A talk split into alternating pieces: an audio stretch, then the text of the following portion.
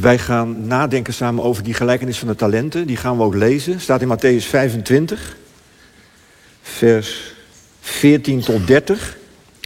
Maar we lezen eerst het slot van Matthäus 24 vanaf vers 43. Dus eerst nu Matthäus 24 vanaf vers 43. En zoals jullie zien, ik lees uit de NBV-vertaling van 2021. Woorden van Jezus. Besef wel, als de Heer des Huizes had geweten in welk deel van de nacht de dief zou komen, dan zou hij wakker gebleven zijn en niet in zijn huis hebben laten inbreken. Daarom moeten ook jullie klaarstaan, want de mensenzoon komt op een tijdstip waarop je het niet verwacht. Wie is de betrouwbare en verstandige dienaar die door zijn heer is aangesteld over het huispersoneel om hun op tijd te eten te geven? Gelukkig de dienaar die daarmee bezig is wanneer zijn heer komt. Ik verzeker jullie, hij zal hem aanstellen over alles wat hij bezit. Maar slecht is de dienaar die bij zichzelf zegt: Mijn heer blijft voorlopig nog weg. En die zijn mededienaren begint te slaan en het met dronkaards op een slempen zet. Dan zal de heer van die dienaar komen op een dag waarop hij het niet verwacht en op een tijdstip dat hij niet kent. En hij zal hem de zwaarste straf opleggen en hem het lot van de huigelaars laten ondergaan. Daar zal hij met hen jammeren en tanden.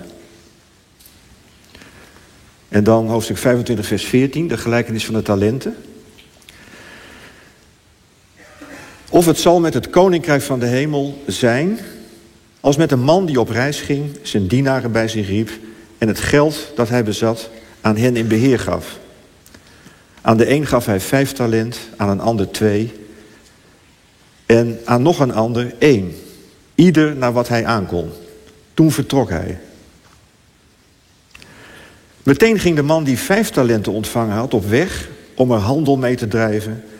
En zo verdiende hij er vijf talent bij. Op dezelfde wijze verdiende de man die er twee had gekregen er twee bij. Degene die één talent ontvangen had, besloot het geld van zijn heer te verstoppen. Hij begroef het. Na lange tijd keerde de heer van die dienaren terug en vroeg hun rekenschap. Degene die vijf talent ontvangen had, kwam naar hem toe en overhandigde hem nog vijf talent erbij. Met de woorden: Heer, u hebt mij vijf talent in beheer gegeven. Alsjeblieft, ik heb er vijf bij verdiend. Zijn heer zei tegen hem: Voortreffelijk, je bent een goede en betrouwbare dienaar. Omdat je betrouwbaar was in het beheer van een klein bedrag, zal ik je over veel meer aanstellen. Wees welkom bij het feestmaal van je Heer. Ook degene die twee talent ontvangen had, kwam naar hem toe en zei: Heer, u hebt mij twee talenten in beheer gegeven, alstublieft, ik heb er twee bij verdiend. Zijn Heer zei tegen hem: Voortreffelijk, je bent een goede en betrouwbare dienaar. Omdat je betrouwbaar was in het beheer van een klein bedrag, zal ik je over veel meer aanstellen. Wees welkom bij het feestmaal van je Heer.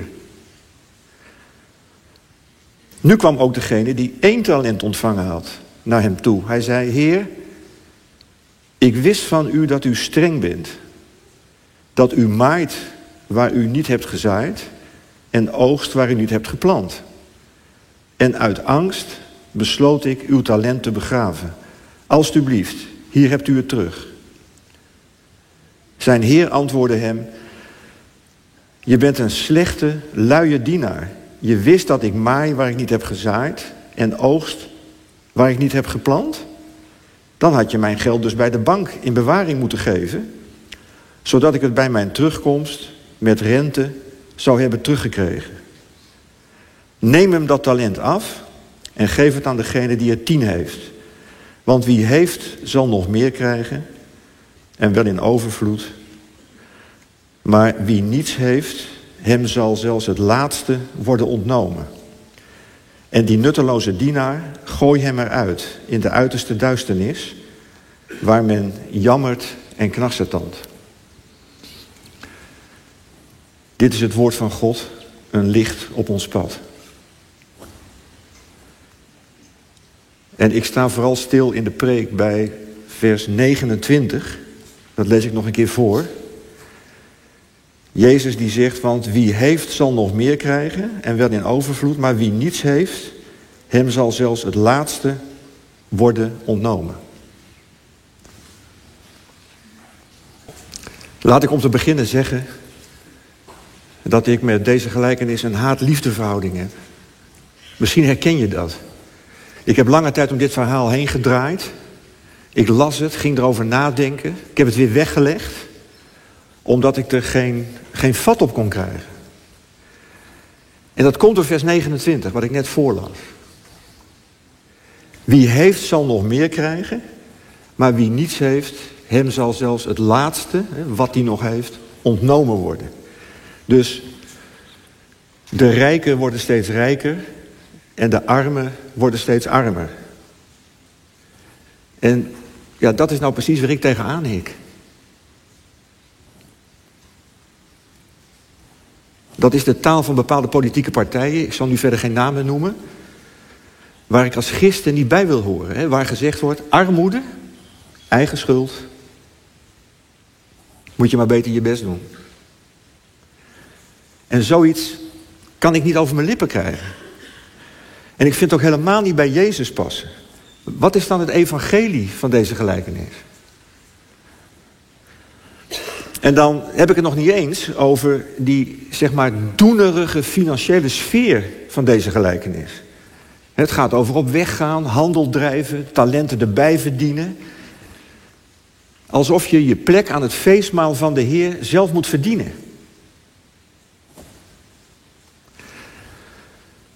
En toch denk ik dat vers 29 juist de sleutel is om deze gelijkenis zeg maar open te krijgen.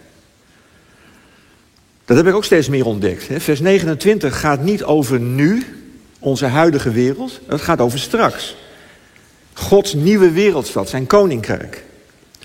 Dus die toestand van hebben en niet hebben, die slaat op de situatie na de terugkeer van Jezus. Na zijn wederkomst. Want de Heer van deze gelijkenis is Jezus, die vertrekt. Zo begint het ook, dat is zijn hemelvaart. En die na lange tijd terugkeert, dat is zijn wederkomst. Dus vers 29 gaat over straks.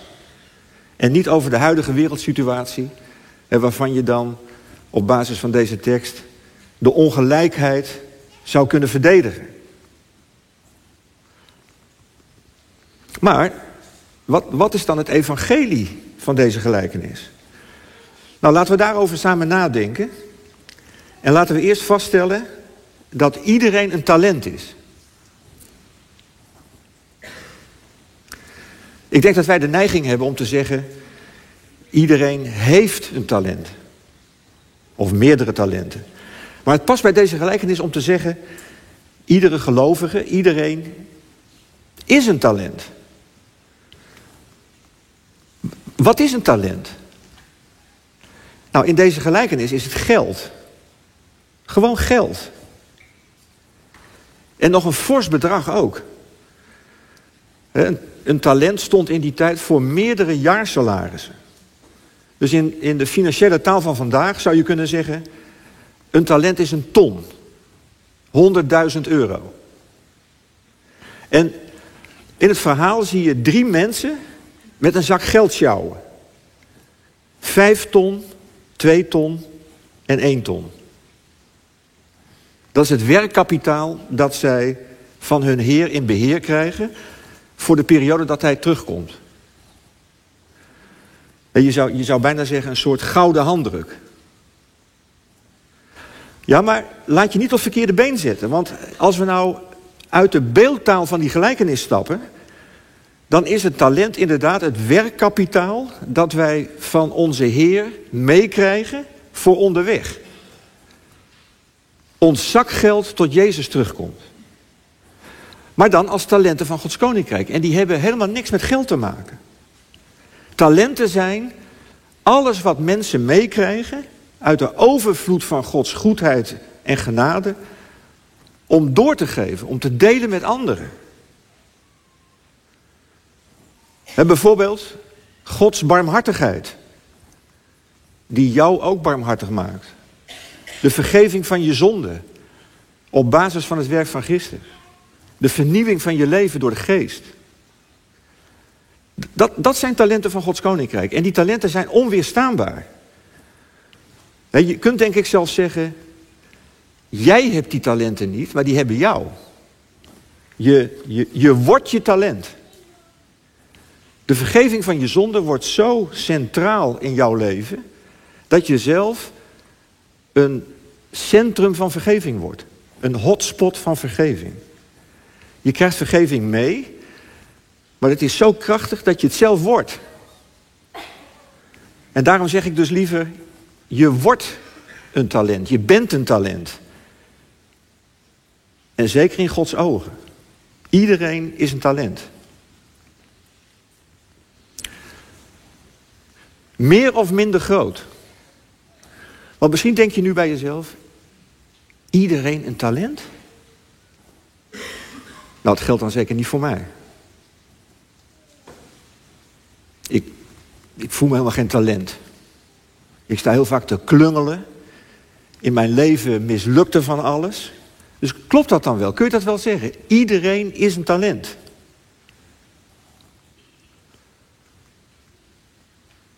Ja, iedereen is een talent. Maar misschien moet je je blikrichting veranderen. Kijk, zolang je bij die talenten blijft nadenken over zelfontplooiing, allerlei dingen ontwikkelen zonder God, je financiële talent, je, je talenknobbel laten groeien, je wiskundetalent ontplooien. Kortom, carrière maken en geld verdienen. Zolang je zo denkt, ja, dan ben je waarschijnlijk geen talent. En helemaal geen natuurtalent.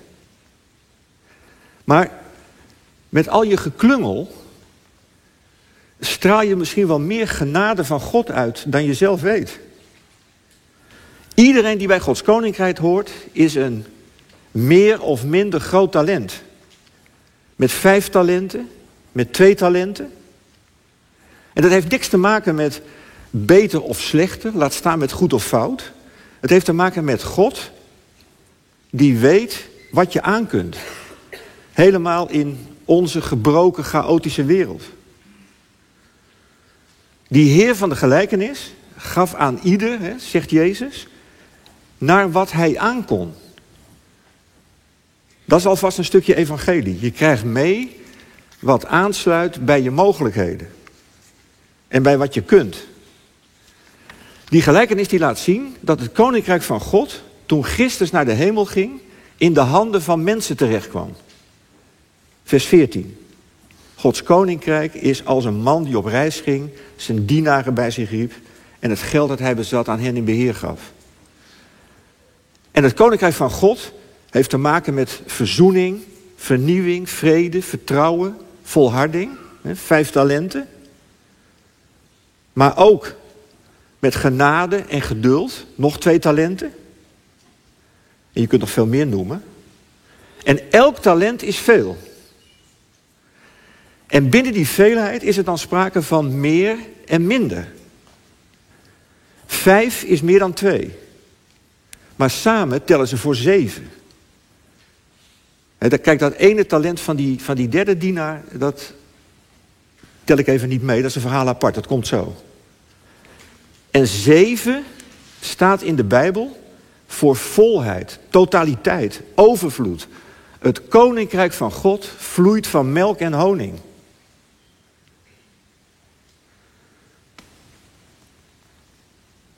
En daarmee gaan we aan de slag met die talenten. Op weg naar de laatste dag. Want die gelijkenis verplaatst ons naar de dag van afrekening. Zoals vers 19 zegt. Hè? Na lange tijd keerde de Heer van die dienaren terug en vroeg hun rekenschap. Dus dat wil zeggen, het gaat om onze gerichtheid op het einde. Op de terugkeer van Christus.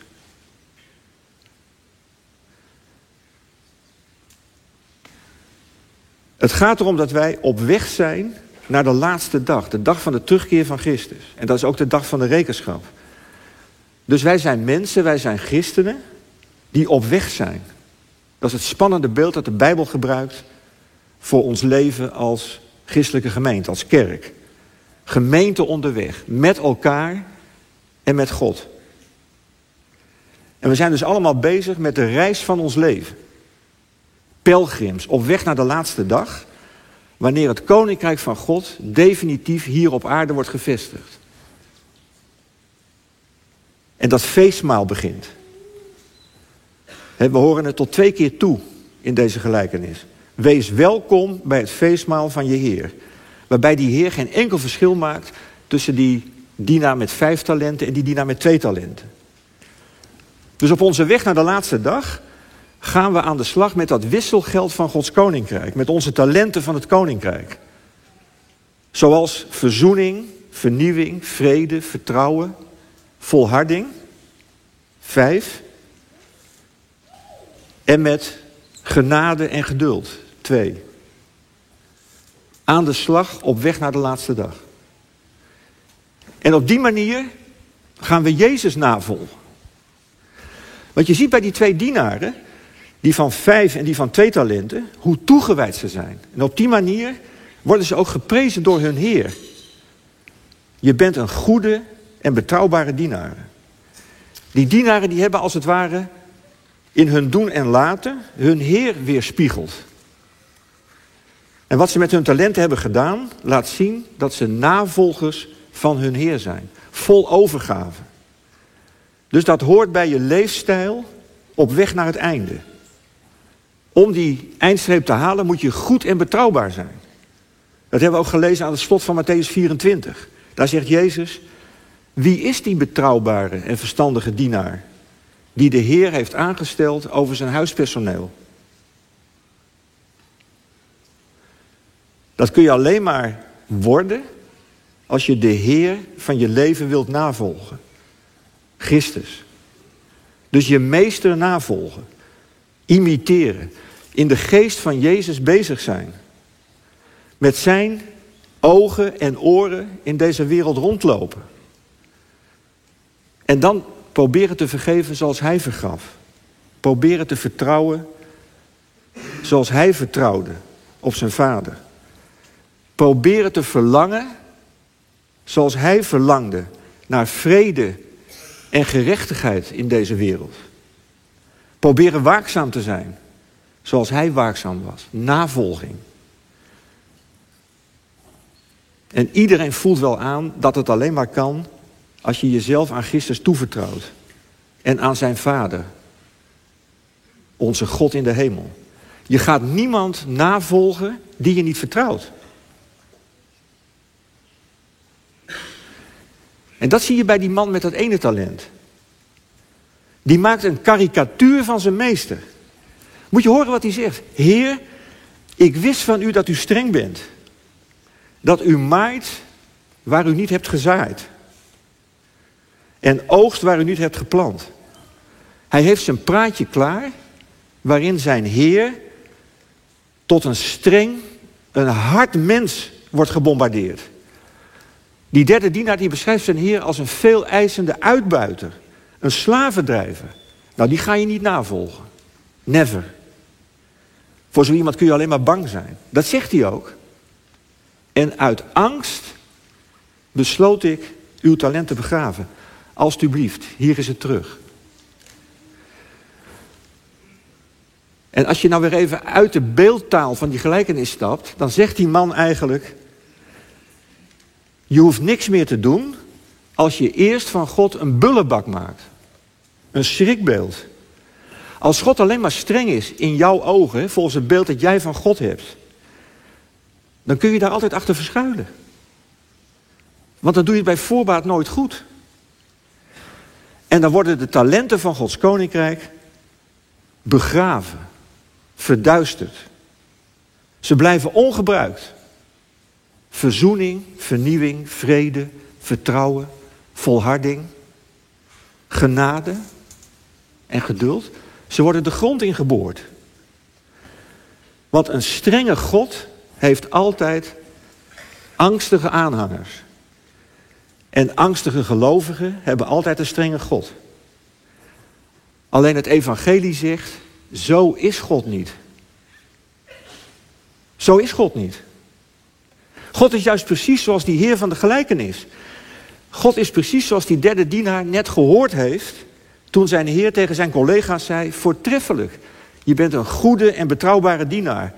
Omdat je betrouwbaar was met weinig, ga ik je over veel meer aanstellen. Wees welkom bij het feestmaal van je Heer.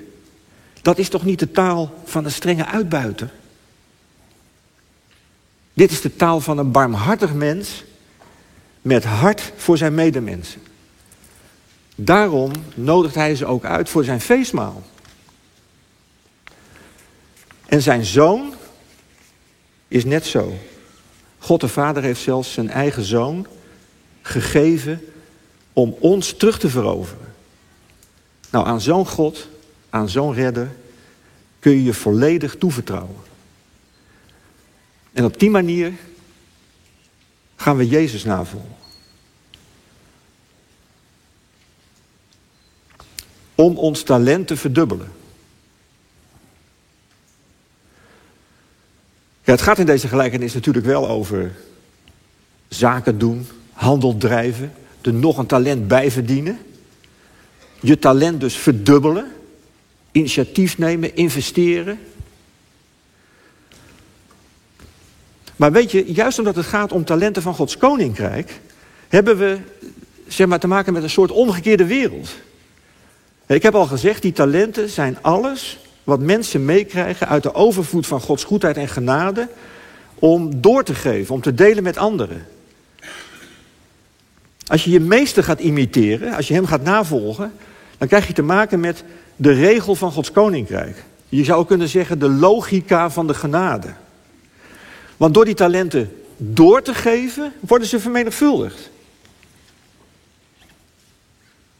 Even, even als voorbeeld barmhartigheid.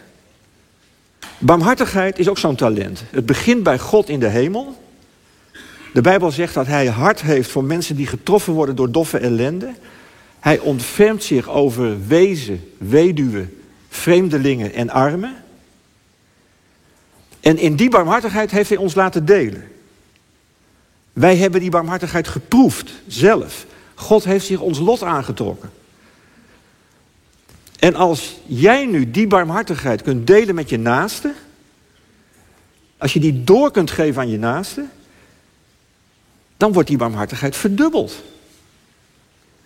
Omdat dan niet jij alleen meer geniet en proeft van die barmhartigheid, maar die ander ook. En dat is de regel van Gods koninkrijk. Delen is vermenigvuldigen. Hoe gek het ook klinkt. Door zo'n talent vrede, vreugde, goedheid, genade. Door het niet voor jezelf te houden, wordt het verdubbeld.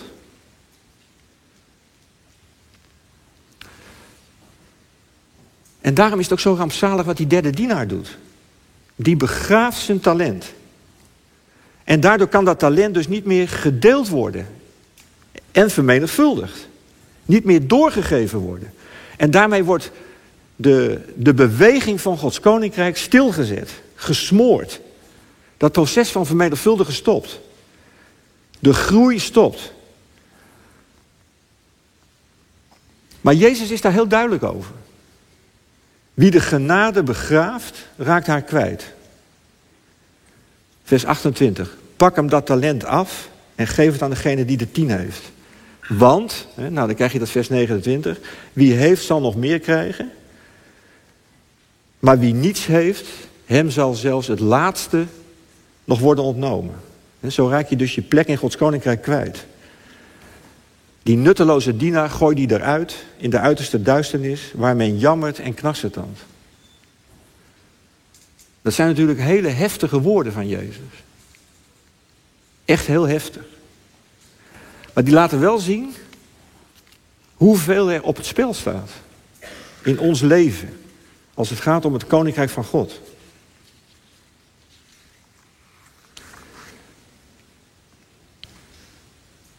Je talent verdubbelen. Daar gaat het over. En omdat je zelf je talent bent, heeft het ook iets van jezelf verdubbelen. groeien. Je groeit en bloeit als je vrede kunt stichten waar mensen in oorlog met elkaar leven. Want niet alleen leren die mensen dan vrede kennen, maar het talent dat je bent, vrede, wordt vermenigvuldigd. Dat is Jezus navolgen om ons talent te verdubbelen. Gemeente, talenten van Gods Koninkrijk zijn echt onweerstaanbaar. Je mag ermee aan de slag. Maar ik heb het al eerder gezegd, eigenlijk gaan die talenten met jou aan de slag. Ze groeien en daardoor groei jij ook. Ze vermenigvuldigen zich en daardoor word jij ook groter als navolger van Christus.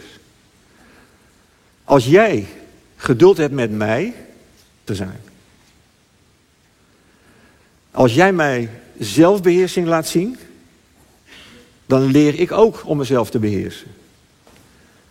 En als jij je heel bescheiden opstelt, dan leer ik ook om bescheiden te zijn.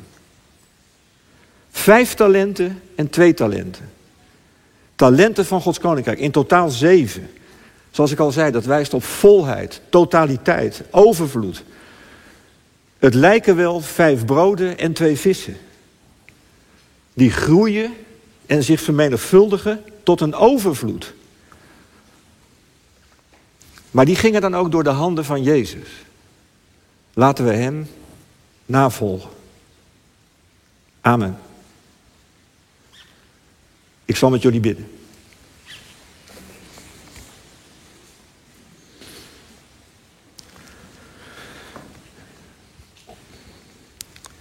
Vader in de hemel, we danken u voor de boodschap van uw woord, waardoor in ons leven uw stem klinkt. Helpt u ons door de kracht van de geest om de talenten die we zijn te verdubbelen op de manier van uw koninkrijk, met de logica van de genade. En geef dat we op die manier Christus navolgen en elke dag ons leven leven op weg naar de laatste dag. Op weg naar het festival van uw nieuwe wereldstad. Amen.